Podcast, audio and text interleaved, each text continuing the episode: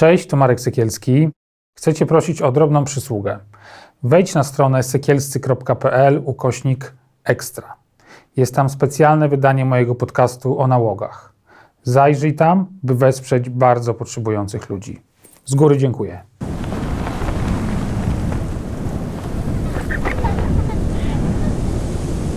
Ten program oglądasz dzięki zbiórce pieniędzy prowadzonej na patronite.pl ukośnik sekielski. Zostań naszym patronem.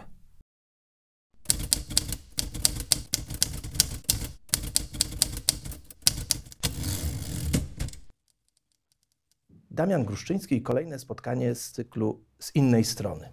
Zanim jeszcze przedstawię y, mojego dzisiejszego gościa, a jest kogo przedstawiać, drodzy Państwo, to zaproszę Państwa do tego, abyście subskrybowali kanał y, Sekielscy Brothers, zarówno na stronie internetowej, na YouTubie, bądź na Spotify i żebyście zostali Państwo y, patronami. To nam bardzo pomaga, ponieważ my, tak jak już y, mówił o tym też Artur Nowak czy inni y, prowadzący, nie pobieramy żadnych honorariów za naszą pracę, a działamy dla dobra wolnych mediów. Znajdą Państwo wtedy w archiwum rozmów wszystkie moje czy wszystkie rozmowy y, innych autorów Sekielski Brothers, wszystkie więc także i tą dzisiejszą tą dzisiejszą, o której e, można powiedzieć, będę tworzył z legendą, bo powiedzieć o moim gościu, e, że jest legendą, to w zasadzie nic nie powiedzieć. E, moim dzisiejszym gościem, e, i tutaj mam, drodzy Państwo, ponieważ mój dzisiejszy gość bardzo lubi liczby, bardzo lubi e, statystykę. E, mój gość od 57 lat, dobrze zliczyłem, jest dyrygentem. I to dyrygentem jednym z najwybitniejszych yy, na świecie. Prowadził w swoim życiu 235 orkiestr. Mogłem się troszeczkę pomylić w tej kalkulacji, na pewno yy, za chwilę, w razie czego sprostuję. Mój gość odwiedził w tym czasie 51 państw.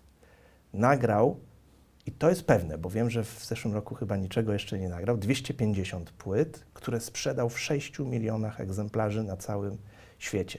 Mój gość był e, dyrektorem artystycznym Filharmonii Pomorskiej w Bydgoszczy na początku lat 70. do 77 roku. Później był dyrektorem orkiestry i chóru Polskiego Radia i Telewizji w Krakowie, jego rodzinnym mieście.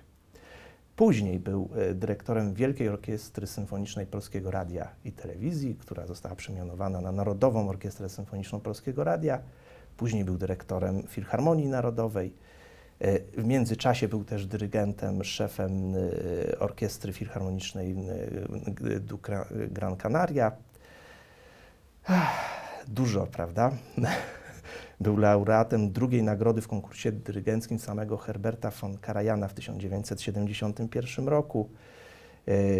Zdobył nagrodę, jedną z najbardziej prestiżowych nagród nagraniowych Grammy w 2012, Diapason d'Or w 1983 roku.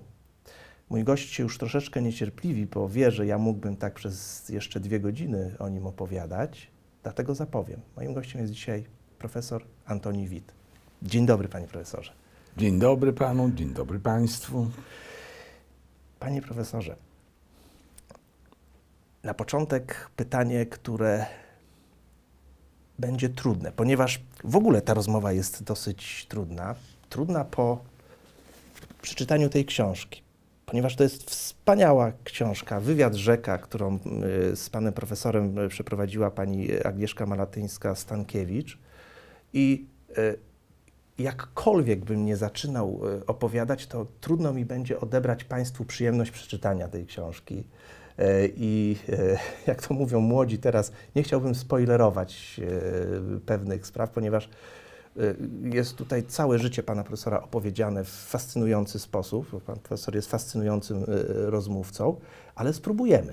Dlatego ja zacznę od pytania, którego w tej książce nie ma. Kim jest dyrygent? Dyrygent jest e, osobą e, e, powiedzmy, dyrygent w ogóle jest to człowiek, który czymś kieruje, czymś zawiaduje. No ale w tym sensie, jakim tutaj mówimy, mamy na myśli dyrygentów orkiestr. To jest człowiek, który prowadzi orkiestrę. Y, I to prowadzi y, w sensie na koncertach, na spektaklach, ale często również może być i dyrektorem orkiestry. A kim w takim jeszcze głębszym sensie jest y, dyrygent? Czyli zadam pytanie troszeczkę jeszcze inaczej. Jakie cechy powinien mieć człowiek, który jest dyrygentem? No, najważniejsza i właściwie decydująca, rozstrzygająca cecha o sukcesie tego zawodu to jest osobowość. Tą osobowość można rozpatrywać w różnych e, kategoriach, ale przede wszystkim dyrygent pracuje z zespołem ludzi. Musi tych ludzi skłonić do e, osiągnięcia jakiegoś rezultatu, do podążenia jakąś wspólną linią. To jest e, ogólnie rzecz biorąc e, najważniejsze jego zadanie, ale oczywiście dyrygent pracujący z orkiestrą musi być także doskonałym muzykiem, doskonałym interpretatorem, więc jest to taki zawód, powiedziałbym, kompleksowy. To jest taki konglomerat cech Tak, różnych. tak, właśnie. E, Jeżeli pan profesor wspominał o osobowości, bo mnie e, to bardzo ciekawi. Zresztą rozmawiałem o tym też z niegdysiejszym asystentem pana profesora, z maestro Łukaszem Borowiczem. On miał swoją odpowiedź. Dlatego ja też będę pana profesora e, wgłębiał jeszcze w ten temat. Jakie dokładnie cechy osobowości musi mieć Ja dyrygent? to bym powiedział, że ta osobowość dyrygenta przejawia się w trzech aspektach. Po pierwsze jest to osobowość ludzka. Po, prostu jako człowiek powinien być interesujący. Jeżeli s- to tak e, jest w ogóle z ludźmi, jeżeli ktoś staje przed zespołem ludzi, rozpoczyna jakąś rozmowę, coś jest w nim, że ludzie go słuchają, że chcą może się podporządkować. To jest taka osobowość ludzka, która jest przydatna w bardzo wielu zawodach. Drugie, powiedziałbym, e, dyrygent e, e, pracując e, wykonuje pewne ruchy swoimi rękami i po tych ruchach orkiestra gra. Te, sam ten gest dyrygencki może mieć e, pewną osobowość, co dam takim przykładem, jak zdarzyło mi się na jakichś kursach dyrygenckich słuchać trzech dyrygentów, którzy kolejno dyrygowali tym samym utworem i właściwie nie, właściwie tylko dyrygowali. Otóż jak stanął trzeci dyrygent, raptem się okazało, że ta orkiestra brzmi zupełnie inaczej. Czyli w gestach tego e, dyrygenta była jakaś e, osobowość. E, Więc to jest powiedzmy nie tylko trudno wytłumaczyć, ale to właściwie trudno, niemożliwe się jest nauczyć. Albo dyrygent ma tutaj tą osobowość, albo nie. No i wreszcie trzecia rzecz. W wyniku pracy dyrygenta powstaje utwór, jest, powstaje wykonanie utworu muzycznego. I teraz to pytanie, czy ten utwór e, w wykonaniu tego dyrygenta jest piękny, czy nie bardzo piękny, to jest taka, powiedziałbym, osobowość muzyczna, czy jeszcze jakby taki trzeci aspekt tejże osobowości. Trzy piękne punkty. Ja bym chciał pana profesora zapytać o ten drugi punkt. Ponieważ y, y, naszymi y, słuchaczami i oglądającymi są też osoby, które też zachodzą w głowę i nie mają takiego doświadczenia jak pan profesor czy jego uczniowie. Panie profesorze, Przywiozłem coś takiego, to jest prezent od mojej żony. Co robi dyrygent? Gdyby pan profesor pokazał do tej kamery, No cóż, dyrygent wykonuje pewne ruchy, przy czym niekoniecznie musi mieć batutę. Tak przyjęło się tradycyjnie, że, że dyrygent dyryguje batutą, ale jest wielu dyrygentów, którzy jednak dyrygują wyłącznie Stokowski. rękami. Y, Albo y, ja na przykład mam wiele utworów, które y, lepiej mi się dyryguje właśnie bez, bez batuty. Tak? To jest jakaś taka, ja wiem, tradycja, przyzwyczajenie. No, jeżeli dyrygent ma batutę, to powiedzmy jego ruchy są jaśniejsze, są bardziej precyzyjne, ale wcale nie jest powiedziane, że to jest e, konieczne dla e, dyrygenta, zwłaszcza przy dzisiejszym wysokim poziomie orkiestr i muzyków orkiestrowych. I d- gdyby pan profesor pokazał, prawa ręka robi co? To jest, to jest takie, powiedzmy, powiedziałbym, akademickie rozróżnienie, o którym Pan mówi, że prawa ręka taktuje, czyli e, wskazuje, czy umownie to jest powiedzmy na dwa, czy tak jest na trzy, czy na cztery, to tak umownie. Lewa ręka powinna wskazywać jakieś specjalne rzeczy, ale bardzo często lewa ręka też dubluje e, prawą, co mm, będąc profesorem właściwie tępiłem u studentów, dlatego że student powinien się nauczyć, e, żeby mieć jakąś niezależność, właśnie, żeby ta lewa ręka wykonywała coś, co zupełnie nie będzie e, w tempie tej prawej ręki. Ale to jest takie, powiedziałbym, akademickie rozróżnienie, które wcale nie musi się pokrywać z rzeczywistością i to niezależnie od kalibru dyrygentów, którzy, o których mówimy. No tak, bo na przykład Fritz Reiner dyrygował praktycznie rzecz biorąc tylko taktując, a y, lewą rękę jego y, spełniała funkcję wzroku, gdzie y, piorunująco skoro zwracał pan się. e, wspomniał Fritza Reinera, to czy ja mogę powiedzieć taką piękną anegdotę? Oczywiście. Otóż Fritz Reiner w tych czasach, kiedy dyrygował, e, dostał wskazanie lekarzy, że musi dyrygować bardzo małymi ruchami, ponieważ e, jego serce jest e, bardzo zniszczone. Było lekarzy, tak? Wskazanie? Ta, tak, tak. No, żeby się nie męczyć. Wobec tak. tego Rainer dyrygował bardzo małymi ruchami. No i w orkiestrze w Chicago, gdzie pracował, nie podobało się to e, e, niektórym muzykom. No i jeden z muzyków daleko e, siedzący e, powiedział, ach panie e, maestro, bardzo bym prosił, żeby pan jednak dyrygował. Ja, nie- ja nie rozumiem, jak pan dyryguje, że pan dyrygował większymi ruchami. No ale Rainer w ogóle sobie tego nie wziął do serca, dalej tak dyrygował, więc muzyk był mm, niezadowolony, ale zauważył, że Rainer, jak przychodził w marynarce na próbie, że raptem ma tu jakąś plakietkę. Więc e, a to jeszcze zanim to nastąpiło, to ten muzyk, żeby jakoś tak e, pokazać swoje niezadowolenie, przyniósł lornetkę na próbie i patrzył na dyrygenta przez lornetkę, ale Rainer dalej dyrygował tak samo. No i wreszcie następnego dnia zobaczył, że Rainer ma jakąś wywieszkę tu na marynarce, więc szybko tą lornetką nakierował, a tam był napis Pan tu już nie pracuje. To tak jak Georg Schell też, prawda? Jak ktoś zwrócił uwagę, to nawet chyba było w Polsce, bo pan profesor był na tym koncercie. E, Ktoś, któryś z dziennikarzy podszedł do niego po koncercie i powiedział, że, że piękny koncert maestro, no, ale te, te fagoty tam w tym raz się pomyliły. A on powiedział wtedy, i to był przedostatni raz, kiedy one się kiedykolwiek pomyliły w mojej orkiestrze.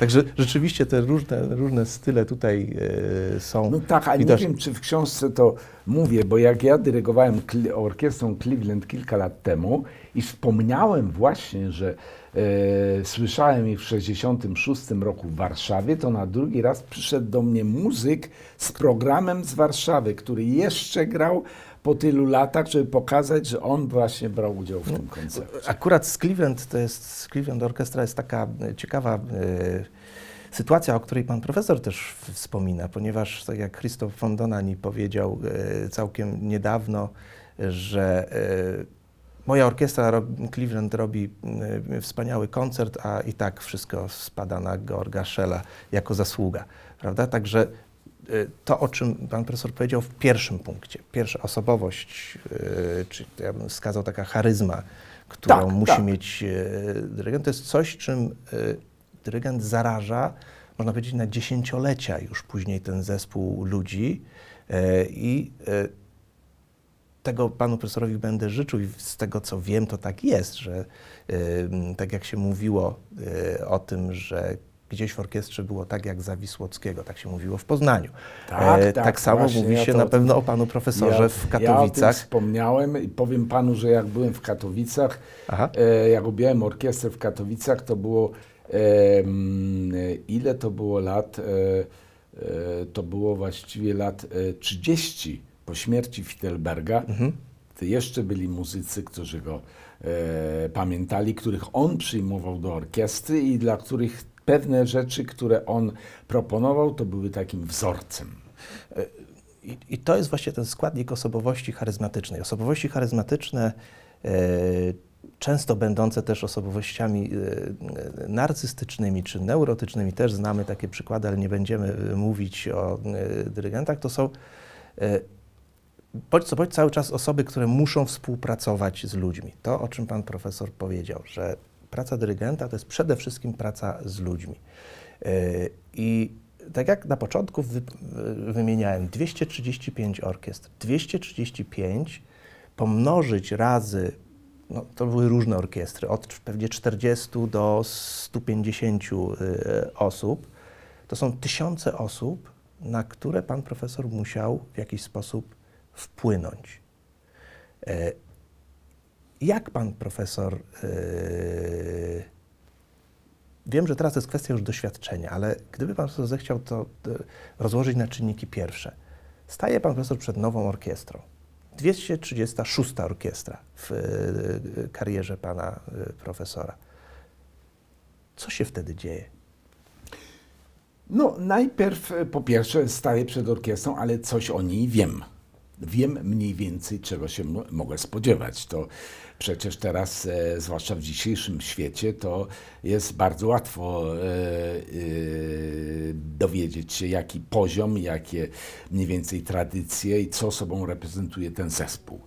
No, drugie, mam pewien e, repertuar, który e, no najlepiej, jeśli to są utwory, które już e, ja bardzo dobrze znam i które jakoś kocham, dlatego że w ten czas łatwo mi przekazać tą e, mój, mój stosunek, łatwo, łatwiej tym zarazić orkiestrę. Trudno je, trudniej się pracuje nad repertuarem, e, co zdarzało mi się w młodości, e, że na przykład jakaś orkiestra prosi mnie, ważna nawet, prosi mnie o jakiś repertuar, który jest mi obcy i później muzycy mówią, a to pan sobie sam wybrał takie utwory, prawda? No i właściwie co tu, co tu odpowiedzieć, jest się w wielkim e, kłopocie.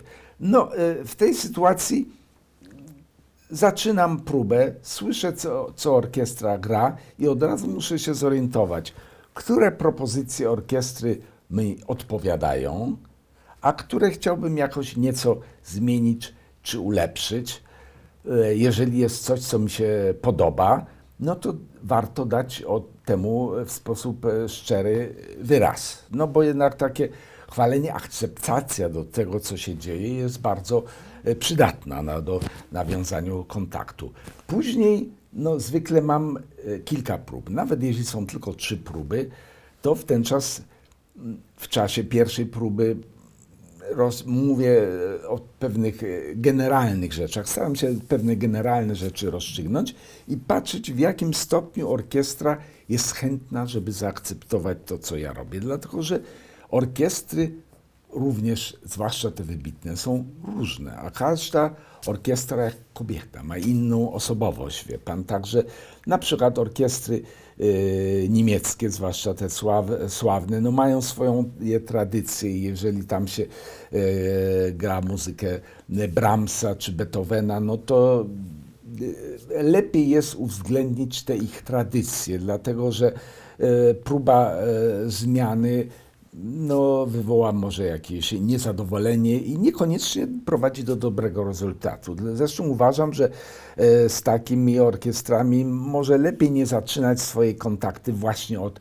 od takiej muzyki jak Brahms w Niemczech, albo na przykład w Rosji wielokrotnie występowałem ze sławną orkiestrą w Petersburgu, ale nigdy nie dyrygowałem tam rosyjskiej muzyki, bo miałbym może pewne, e, pewne powiedzmy jakieś e, Po Mrawińskim. e, opory, czy oni przyzwyczajeni do pewnych tradycji, czy oni zechcą coś innego e, e, e, e, respektować. No być może jakbym kolejny raz pojechał, to być może bym się ośmielił i zobaczyłbym, jaki byłby to rezultat. Y, Rzeczywiście, a staje pan przed orkiestrą przedstawia Pan swoje propozycje, wiadomo, że wszyscy wcześniej się y, muszą partytury nauczyć. Niektóre orkiestry uczą się, niektóre się nie uczą, niektóre się uczą dopiero na próbie. Czy Pan profesor wychwytuje osoby, które są takimi łącznikami y, w komunikacji, na które jakby ulegają wpływowi i ciągną za sobą orkiestrę? E, wie pan, e, wiele rzeczy przy moim doświadczeniu rzuca się doskonale w, e, w oczy czy w uszy. Na przykład miesiąc temu miałem koncert z Polską Orkiestrą Radiową w Warszawie. To jest zespół, który bardzo cenię. I tam się okazało, że mm, dwóch muzyków jest w orkiestrze w miarę nowych, że jak ostatni raz dyrygowałem tam przed e, trzema laty, to oni nie grali. I prawdę mówiąc, po 15 minutach się zorientowałem, że to są doskonali muzycy, więc e, e, bardzo mnie to cieszy, dlatego że te, teraz ten poziom muzyków tak się podwyższa i dobrze, że do orkiestry przychodzą coraz, coraz lepsi e, e, muzycy. Więc e, m, obecnie jestem w stanie w orkiestrze dość szybko zorientować się, jakie są możliwości, a także jaka jest wola ze strony muzyków. Dla, dlatego, że to jest bardzo ważne, żeby muzyk, jeżeli dyrygent go o coś prosi, żeby mógł to zrobić i żeby chciał. To nie zawsze idzie w parze. Dlatego ja tak zawsze, jak, ja tak bardzo cenię orkiestry japońskie, dlatego że e, tam muzycy niezależnie od e, wysokiego poziomu profesjonalnego, ja myślę, że mają w duszy zakodowane, że oni powinni się podporządkować woli dyrygenta. Także e, praca z orkiestrami japońskimi zwykle e, dostarcza mi bardzo dużo satysfakcji. Nawet jeśli to jest taki repertuar, który oni dobrze znają z pracy z innymi dyrygentami. Nie to, co z orkiestrami włoskimi niegdyś, prawda? O, ale teraz orkiestry włoskie też się, wie pan, zmieniły. Ostatnio dy- dyrygowałem orkiestrą Santa Cecilia w Rzymie, to jest chyba czołowa orkiestra włoska. Myślę, że e, było bardzo dobrze. Zresztą z przyjemnością powiem, że na świecie nie tylko podniósł się poziom muzyków, ale również na przykład sprawa tej punktualności, czy też obecności. Teraz muszę powiedzieć, wszędzie próby zaczynają się punktualnie, jeśli to jest ta godzina dziewiąta, czy dziewiąta trzydzieści, czy dziesiąta, to jest to rzeczywiście e, e, e, wszędzie jednakowo. A pamiętam czasy na przykład, jak lat temu, może to już było dwa- 25 czy 30, pojechałem do e, Marsylii na próbę.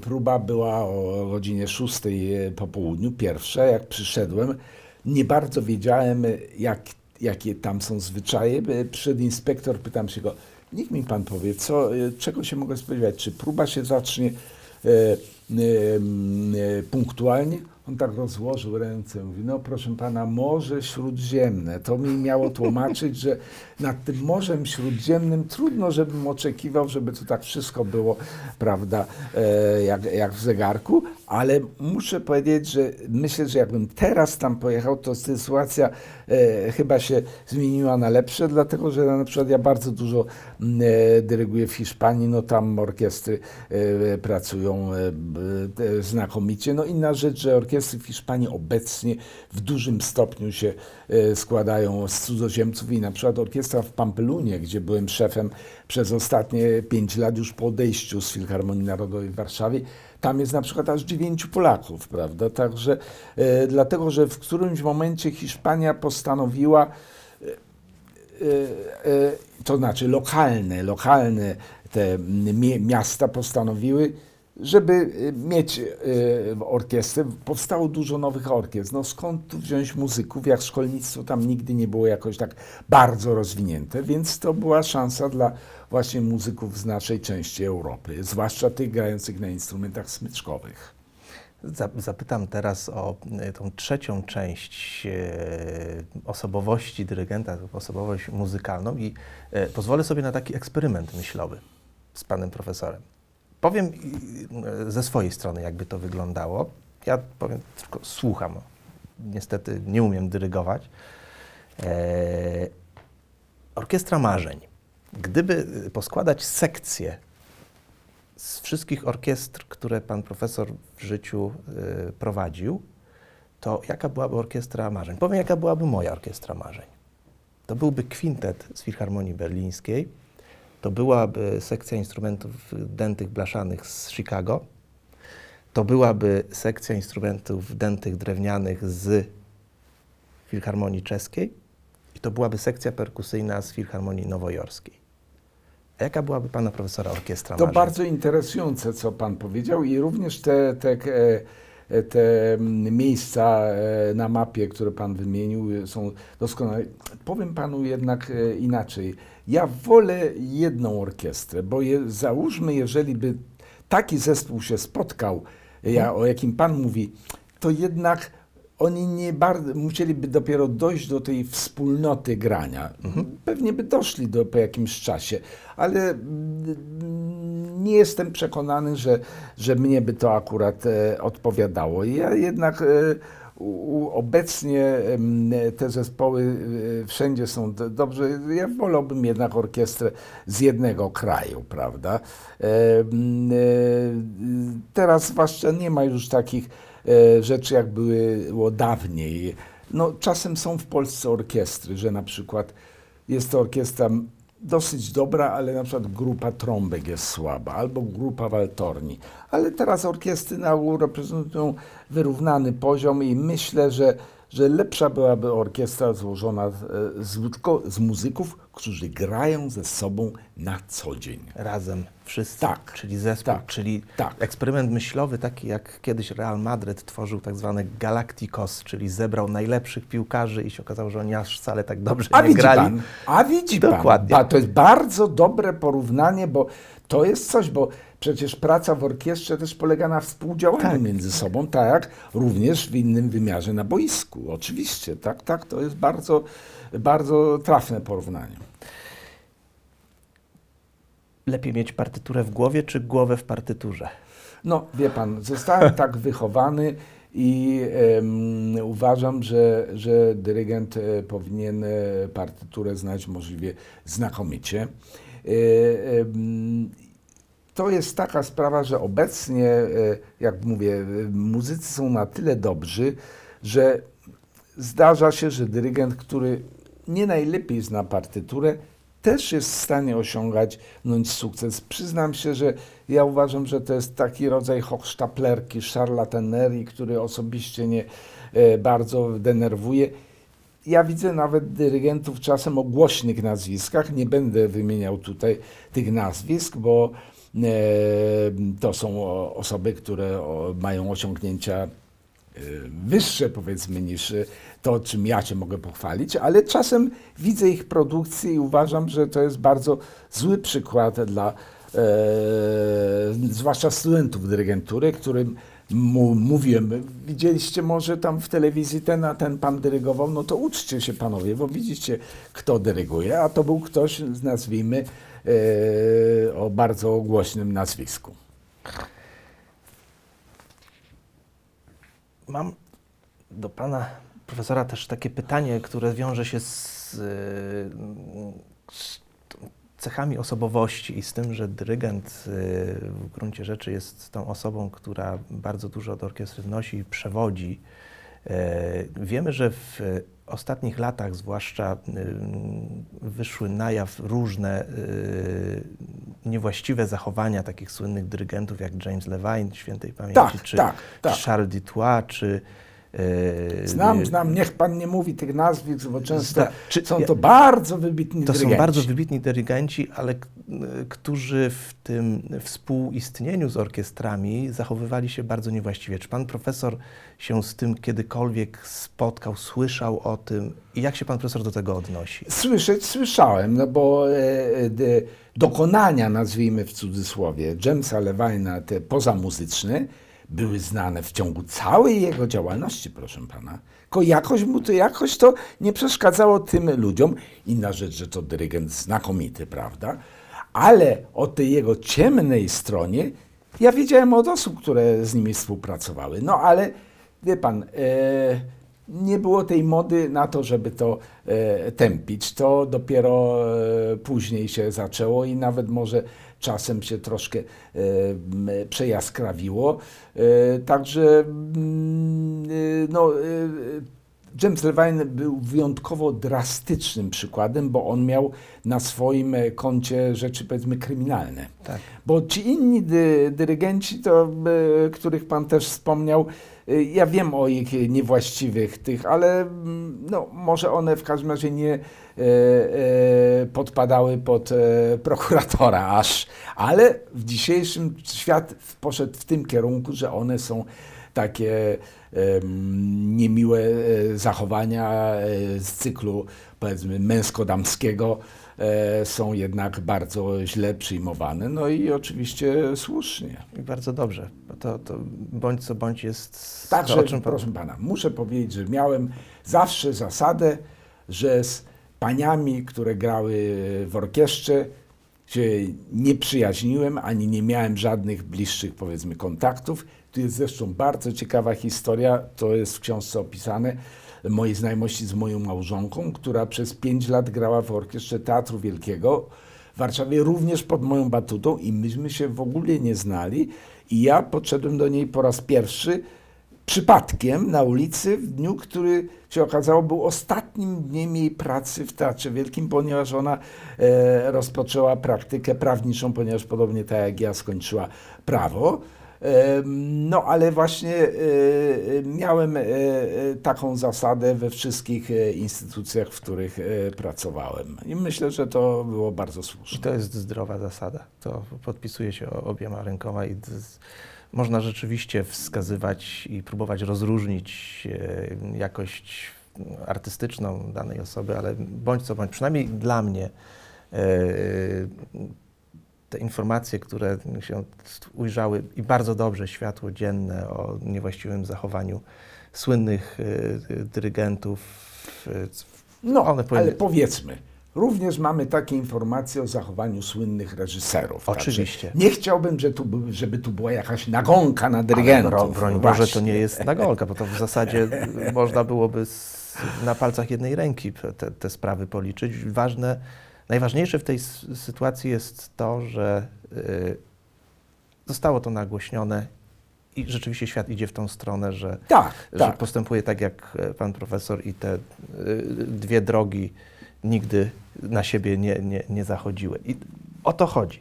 E, Panie profesorze, ja to naprawdę mógłbym pana profesora zamęczyć e, Ale proszę pytaniami, bardzo, proszę dlatego pana, że Teraz mam tyle wolnego czasu, jestem Tak. tak, wypoczęty, że nie sądzę, żeby pan mnie zamęczył. No ja z przykrością muszę powiedzieć, że wskutek pandemii e, odpadło mi szereg bardzo atrakcyjnych wyjazdów, nad, zwłaszcza do Japonii, nad czym boleję, bo już trzy, trzy wyjazdy do Japonii mi przepadły, również Chiny i Tajwan, więc to bardzo takie e, interesujące pod każdym względem wyjazdy. to zamęczę w takim razie. Pan Proszę profesor, bardzo. znaczy nie jest tajemnicą, uczyłem się, y, uczyłem się, czy słuchałem, poznawałem muzykę e, Witolda Lutosławskiego po nagraniach pana profesora Krzysztofa Pendereckiego, po nagraniach pana profesora.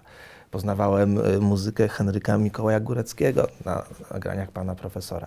Pan profesor z tymi osobami, Wojciecha Kilara też, y, z, w, pan profesor z tymi osobami ściśle współpracował. E, Czy to prawda, że y, profesor Henryk Mikołaj Górecki był choleryczny bardzo? Y, No tak, oczywiście, ale to nie znaczy, że e, musiało się o tym wiedzieć, czy e, miało się odczuć e, skutki tego, dlatego że e, e, należało e, wiedzieć o tym e, i odpowiednio się ustosunkować, ale charakterystyczne zdarzenie, o którym nie wiem, czy piszę, w latach e, 60. zostałem zaproszony na nagranie e, do Katowic. I jak między zaproponowano mi do nagrania pewne utwory, między innymi jeden utwór Góreckiego, którego w ogóle nie znałem. Jak przyszedłem na próbę, pytam się inspektora orkiestry, a Górecki przecież mieszkał w Katowicach. Pytam się inspektora, a czy proszę pana, czy Górecki może przyjdzie na nagranie? Inspektor mówi tak, chyba nie i bardzo dobrze. to już, To, to, to wysta- już mądrej głowie dość to posłowie, już mi tak. coś, e, e, e, e, jakąś sprawę ustawiło. A poza tym e, Górecki miał taką cechę, że jakoś nie wiem, czy miał kłopoty ze sformułowaniem swoich uwag w sposób werbalny. On wiele rzeczy czuł, ale jakoś y, y, nie, y, nie chciał, czy nie umiał tego wyrazić jasno. Na przykład, jeżeli był na jakimś wykonaniu i później się go pytało, czy to, co pan sądzi, czy, czy panu się podobało, okazuje się, że nie za bardzo mu się podobało. Ale teraz dlaczego? Nie można się było dowiedzieć, czy to było za szybko, czy za wolno, czy za głośno w końcu, a dajcie mi święty spokój, prawda? Więc to, to jakoś tak, e, e, stąd się wzięły takie właśnie opowiadania, dlatego że z drugiej strony on miał, bar, miał bardzo e, wyraźne upodobania, jeśli chodzi o e, zwłaszcza solistów, na przykład taka Zofia Kilanowicz, znakomita sopranistka, e, to była taka jego ulubioną e, śpiewaczką, zwłaszcza jeśli chodzi o trzecią symfonię, zawsze, zawsze bardzo się cieszył. I ja, ja mam e, jedne, jedno nagranie również z nią tego utworu. No, ale nie- niektóre solistki, chociaż o bardzo głośnym nazwisku, nie wzbudzały jego e, e, sympatii. Głośna była historia ze Stefanią Wojtowicz, taką naszą teraz już wiele publi- teraz ludzie już tak. nie wiedzą, ale w latach 60., 70., no to była pierwsza diwa polskiej wokalistyki. No i wiem, że kiedyś e, z jakiegoś Góreckiego śpiewała i bardzo się jemu to nie spodobało, to wiem, że wykrzykiwał, cóż to za wyjec tutaj przyszedł, prawda? No i tak, tak dalej. No ale, my, ale wiem, że w końcu się pogodzili, tak. Zupełnie inny był chyba Witold Lutosławski, prawda? Jeżeli chodzi o przekaz przekazywanie E, Proszę pana. Witold Lutosławski był człowiekiem bardzo kulturalnym, ale trzeba powiedzieć, to był człowiek, to był perfekcjonista i jego zamierzeniem było, żeby jego partytura była idealnie napisana. Jeżeli jemu się pokazało coś, co wzbudzałoby wątpliwości, co świadczyło o tym, że, e, e, że może coś tu, jak, jaka, jakaś jest niekonsekwencja. U, to dla niego była, była to rzecz przykra i ja pamiętam takie zdarzenie, czy ja chyba o tym piszę w książce, kiedy jako młody człowiek e, miałem em, dyrygować jego koncert na orkiestrę po raz pierwszy i on zgodził się, niebacznie zgodził się, dlatego że to było po e, warszawskiej jesieni był bankiet, na którym było dużo alkoholu. No i Witold e, Lutosławski był w świetnym humorze i zgodził się, że on się spotka ze mną i powie mi jakieś uwagi na temat tego utworu. Yy, więc za jakiś czas zadzwoniłem do niego i odczułem, że on nie był szczęśliwy z tego powodu, bo jemu było po prostu szkoda czasu. On, jego komponowanie bardzo e, pa, e, e, absorbowało. No i tak, żeby się spotykać z młodym dyrygentem i, i coś mu mówić na temat e, tego utworu, no ale skoro się zobowiązał, to do tego spotkania doszło. Ja się, ja mm, y, jestem bardzo wdzięczny i bardzo się cieszę, że ja te wszystkie uwagi zanotowałem na swojej partyturze i do dzisiejszego dnia również przekazałem moim studentom. No, ale ja przestudiowałem partyturę y, jego bardzo dokładnie. No i byłem dumny, że tam w wydaniu drukowanym znalazłem kilka błędów. No, to rzeczywiście a tak, tak, tak, rzeczywiście, tak, tak. I wreszcie w którymś miejscu jakaś nuta, wydawało mi się, że tam e, ma być nie, nie e, A, tylko H, a to było takie miejsce właściwie, tutti orkiestry właściwie to nie miało żadnego znaczenia. I proszę sobie wyobrazić, jaka była e, reakcja Lutosławskiego. On mówi, ach, pan sądzi, że tu H nuta byłaby bardziej właściwa. Zaraz zobaczę. I podszedł do jakiejś szuflady, wyciągnął swoje nie tyle manuskrypty, czyli takie przygotowawcze. Widać taki miał sposób komponowania, że najpierw komponował coś, co tak było częściami, zobaczył i powiedział do mnie, nie, proszę pana, nuta B tu jest bardzo właściwa. Ale co? Odczułem w jego głosie takie, taką, poczuł się urażony, że ja mogłem myśleć, że tu nuta H byłaby bardziej logiczna. To by było bardzo typowe, jeśli chodzi o e, Lutosławskiego. Tak, tak. A poza tym, wie pan, to był bardzo człowiek skromny i ja pamiętam, ze wzruszeniem wspominam, to był chyba ostatni rok jego życia. Mm, On zadzwonił do nas do Katowic, ja byłem szefem e, Narodowej Orkiestry Symfonicznej Polskiego Radia i powiedział, że on ma em, mieć premierę czwartej symfonii w Los Los Angeles, Angeles. tak. I że on chętnie by przedtem przyjechał do nas i zrobił nagranie tego utworu, ale takie e, pr prywatne, które by upowszechniono dopiero po tej premierze. No i e, oczywiście Lutosławski e, to już było ostatnie dwa lata życia. Jego bardzo byliśmy tym e, zaszczyceni. E, tak się stało, że ja byłem e, cały tydzień e, na, przy tych próbach. Przyszedłem na pierwszą próbę i bardzo ładnie Lutosławski się e, zachował, jak przyszedł do orkiestry. Mówi, dzień dobry Państwu, no bardzo się cieszę, że mogę tutaj z e, Państwem po raz pierwszy tą czwartą symfonię zagrać, bo powiem Wam szczerze, ja tego utworu jeszcze dobrze nie znam.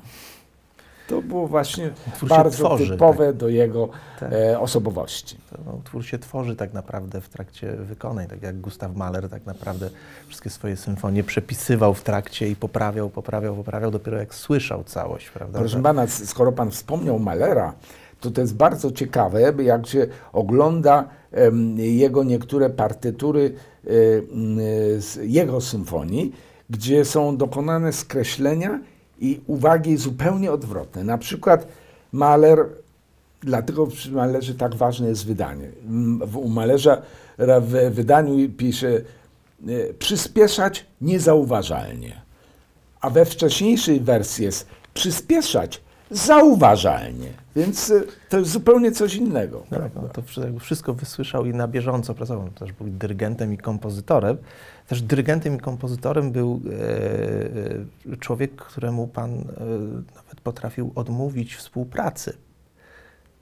Nawet się pan profesor nie skusił na zniżki kolejowe. Mówię o Krzysztofie No, Pendereckim. e, be- pan e, be, be, Penderecki chciał, żebym ja e, uczył e, w Akademii Muzycznej, której on był rektorem, a dla mnie to e, w tym momencie to jednak była strata czasu, bo i uważam, że bardzo słusznie, bo to e, uważam, żeby uczyć dyrygowania trzeba mieć e, lepiej, żeby mieć e, bagaż własnych doświadczeń właśnie, więc dlatego ja zaczę, jak zacząłem uczyć e, dyrygentury, to już e, byłem dobrze po pięćdziesiątce. To, to już było jednak zupełnie coś innego. Jaki był Krzysztof Penderecki? Tak zapytam Wie dla pani, naszych widzów. To, to był wielki człowiek, wspaniałej osobowości. On miał na przykład taką cechę, że on umiał lapidarnie, trafnie ocenić bardzo wiele zjawisk artystycznych. Pamiętam na przykład takiego śpiewaka, który w ten czas e, dość często był zapraszany. I on e, śpiewał e, właściwie bardzo dobrze, z tym, że nie miał dużego głosu. Trudno czasem było, orkiestrę trzeba było ściszać, żeby on był słyszalny. Penderecki powiedział o nim krótko, o, on by, by był bardzo dobry, gdyby go było słychać.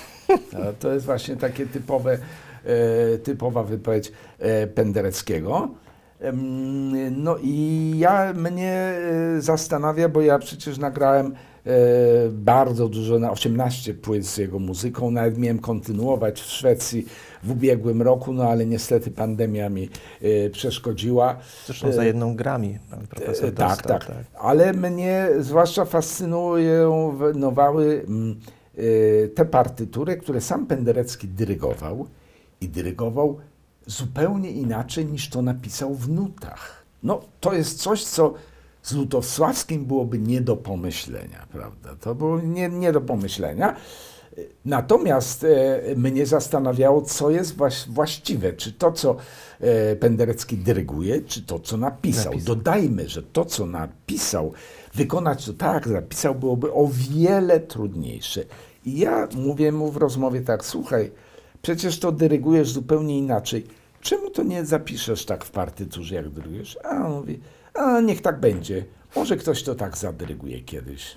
Bardzo, bardzo interesująca e, to była e, wypowiedź jego samego odnośnie utworów, które dyrygował. No, świetnie dyrygował, zwłaszcza, to, co zwłaszcza jest wielką zasługą, bo, bo rzadko y, kompozytorzy są wybitnymi dyrygentami, chociażby No, wspomnieć ja nie chciałbym- Igora Strawińskiego. Ja prawda? nie chciałbym ujmować e, zasług, ale no nie uważam, żeby był e, dyrygentem znakomitym. Myślę, że to niczym nie umniejsza jego wielkości. Wspomniał pan Igora Strawińskiego, którego też widziałem dyrygującego. Mm, e, ale Penderecki miał osobowość ciekawą. Na przykład Czyli pierwszy punkt. Charyzmatyczna E, osobowość. Na przykład dam panu taki przykład, jak dyrygował moją orkiestrą e, i mm, w pewnym momencie zadyrygował źle, co jemu niestety się zdarzało, ponieważ prawdę mówiąc e, czasem był, jakbyśmy to powiedzieli, niekoniecznie douczony, jeśli zwłaszcza dyrygował utwory innych kompozytorów. No ale orkiestra była tym zaskoczona i zagrała źle. I później rozmawiam z nim, e, on mówi do mnie, to była moja orkiestra, ej, mu- słuchaj, źle tam zagrali. No ale mówię, Krzysztof, przecież sam wiesz, że tam się pomyliłeś. No tak, ja się pomyliłem, ale oni powinni zagrać dobrze. To jest bardzo e, ciekawe dla jego e, osobowości. Dla jego osobowości. Y, I Wojciech Kilar, prawda? Który. To Na prawda? szczęście Wojciech Tak? Kilar nie dyrygował, Nie dyrygował, dlatego tak. mam na swoim koncie e, prawykonanie jego siedmiu e, utworów, ale wie pan, Wojciech Kilar, ja o tym chyba piszę w książce, Wojciech Kilar był chory, jak słuchał wykonania swoich utworów, a na prawykonaniach to już trzeba było chyba by karetkę e, e, wzywać, ponieważ bardzo był wrażliwy na to, jak to zostanie przyjęte, a to ten się popatrzył tak, a ten coś powiedział, Jak Szostakowicz. Tak samo miał ponoć, E, wyczytałem. Także e, ja pamiętam, że czasem przed wykonaniem utworu, e, nawet widziałem go powiedzmy na 10 minut przed koncertem, to zdawało się, że on jest prawie nieprzytomny ze zdenerwowania, jak to wypadnie. No, ciekawa e, strona osobowości. No i lubił koty. No tak, ja z Kilarem się e, przyjaźniłem, bo w Katowicach e, bywałem u niego w domu. E, był, prawdę mówiąc, bardzo interesującym również człowiekiem, bo on był szalenie religijny. I to taki, ja powiedziałem, może nawet w książce o tym pisze, że on tu uważam, to był takim prawdziwym chrześcijanin, że on rzeczywiście kierował się w życiu dekalogiem, co wi- wiadomo się katolikom niekoniecznie zdarza. Tym niemniej bardzo lubił dowcipy na temat księży i, i biskupów, prawda? Tak i sam je opowiadał i kolportował, więc to jest taka też cecha osobowości, o której warto tutaj wspomnieć. Pamięta pan jakiś dowcip? E, O biskupach? e, W tej chwili może mi wyleciało, ale, ale na pewno bym sobie przypomniał. Jeśli pan pyta, to pamiętam.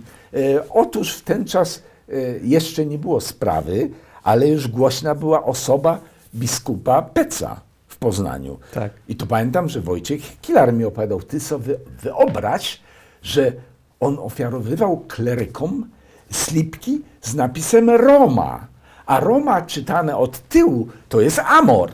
No więc to była taka historia. Ile kilometrów pan profesor przejechał w ostatnim roku? Bo musicie Państwo wiedzieć, pan profesor ma też bardzo duże zamiłowanie nie tylko do statystyki i wszystko zlicza dokładnie. Co do kilometra, to oprócz tego pan profesor jest zapalonym cyklistą. Ile kilometrów? Bardzo do się dzisiaj. cieszę. E, No w tym roku to mamy jakieś 6300. 6 tysięcy. E, Ale e, od pewnego czasu to mamy o tyle to ułatwione, że są te liczniki. No jak byłem młodszy, to jedynie mogłem się tak orientacyjnie orientować w odległościach, jakie są. No i niestety, jak e, prowadziłem działalność dyrygencką, to mój sezon rowerowy zwykle trwał powiedzmy 5 miesięcy, czy, czy no teraz z zadowoleniem muszę bo, e, powiedzieć, że mój sezon trwa właściwie 12 miesięcy. Nawet dzisiaj zrobiłem małą przyjażdżkę rowerową, chociaż jest minus, e, ale to tak, żeby jakiś dzień pod tym względem zaznaczyć. Czyli 6 tysięcy, co daje na miesiąc? Y, No, y, rzeczywiście miesiące są bardzo różne. Zdarza mi się nawet i ponad tysiąc na miesiąc, ale y, w miesiącach letnich to bywa 500, 600, w miesiącach zimowych 200, 300. No, bardzo różnie. To jest nie do osiągnięcia chyba dla nawet. Dlaczego, wie pan? To wcale nie jest tak dużo, bo jeżeli ja bym jeździł 6 jedynie kilometrów dziennie, to pan ma już w roku przejechanych 2000 kilometrów. Ale ja nie mogę oczywiście jeździć codziennie, bo jak jadę, zwłaszcza za granicę, chociaż jak tam w książce e, piszę, ja chyba mam na swoim koncie jazdy na rowerze e, w Argentynie, Brazylii, na Nowej Zelandii. Och, to wspaniały kraj dla rowerzystów. A nawet w Japonii, ale tutaj niestety nie, by, nie mam e, zbyt dużo satysfakcji, bo te rowery japońskie, które mogłem wypożyczyć, takie bardzo niewygodne były. No i do tego ten ruch lewostronny, no przyznam się, że, że taka tutaj jazda na rowerze nie dawała mi tej zwykłej satysfakcji. Drodzy Państwo, mam dobrą wiadomość. Ta książka, znaczy nie ta, bo ta ma tutaj taką piękną dedykację Damianowi Antoni Wit, więc tej nie oddam, ale pan profesor dla Państwa, dla patronów yy, przygotował trzy takie książki z, i zaraz złoży yy, autografy. Yy, jeżeli ktoś jest zainteresowany, no warunkiem jest to, żeby być patronem Sekielski Brothers Studio, wystarczy napisać do studia. Pierwsze trzy osoby książki z autografami otrzymają. Jeżeli ktoś się interesuje muzyką, to to jest pozycja obowiązkowa. Ale przyznam panu i przerwę, Tak? że dla mnie właściwie bardziej interesujące jest, jak reagują na tą książkę osoby spoza środowiska muzycznego. Dlatego, że dla osób ze środowiska muzycznego o, to musi być interesujące, dlatego, że tam e, jest mowa o mnóstwie postaci, które są e, znajome im. Natomiast e, spotkałem już kilka osób zupełnie spoza środowiska e, muzycznego i, no i mam nawet, e, jeśli mogę wierzyć, pozytywne relacje i to one, przyznam się, nawet dają mi więcej e, satysfakcji. Zwłaszcza, że no, jest pięknie nakreślona atmosfera Krakowa powojennego, y, całej rodziny pana profesora, y, osób, nauczycieli pana profesora. To już nie ma czasu, żeby się rozwinąć nad y, osobą pana profesora Henryka Czyża, czy później y, maestro też Witolda Rowickiego, ale to wszystko, drodzy Państwo, jest w tej książce. Warto ją przeczytać, mówi człowiek, który to przeczytał. To całkiem niedawno. Y, Z pasji jest spoza środowiska muzycznego, bo muzyką się tylko e, interesuje, więc ja też dołożę do, tej, do tych dobrych opinii e, opinię osoby spoza e, środowiska, że to jest pasjonująca lektura. A na koniec naszej rozmowy złożę takie życzenia, które będą takie troszeczkę egocentryczne, takie dla mnie. Panie profesorze, życzę, żeby w zdrowiu i w, e,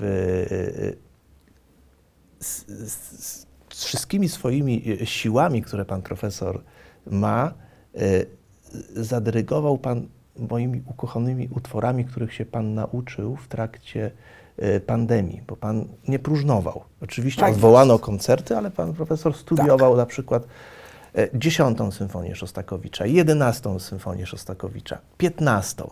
I mimo, że firma Naxos no, wydała świetny komplet ostatnio z Wasilim Petrenko, to ja osobiście, chociaż to jest bardzo dobry komplet symfonii Tak, tak, Szostakowicza, to uważam, że troszeczkę się pomylili. To pan profesor powinien nagrać ten komplet, Dziękuję bardzo, ale ja dziękuję. złożę sobie i też, że chciałbym tę symfonię jak najszybciej e, usłyszeć i, i, i tym akcentem zakończę naszą e, rozmowę.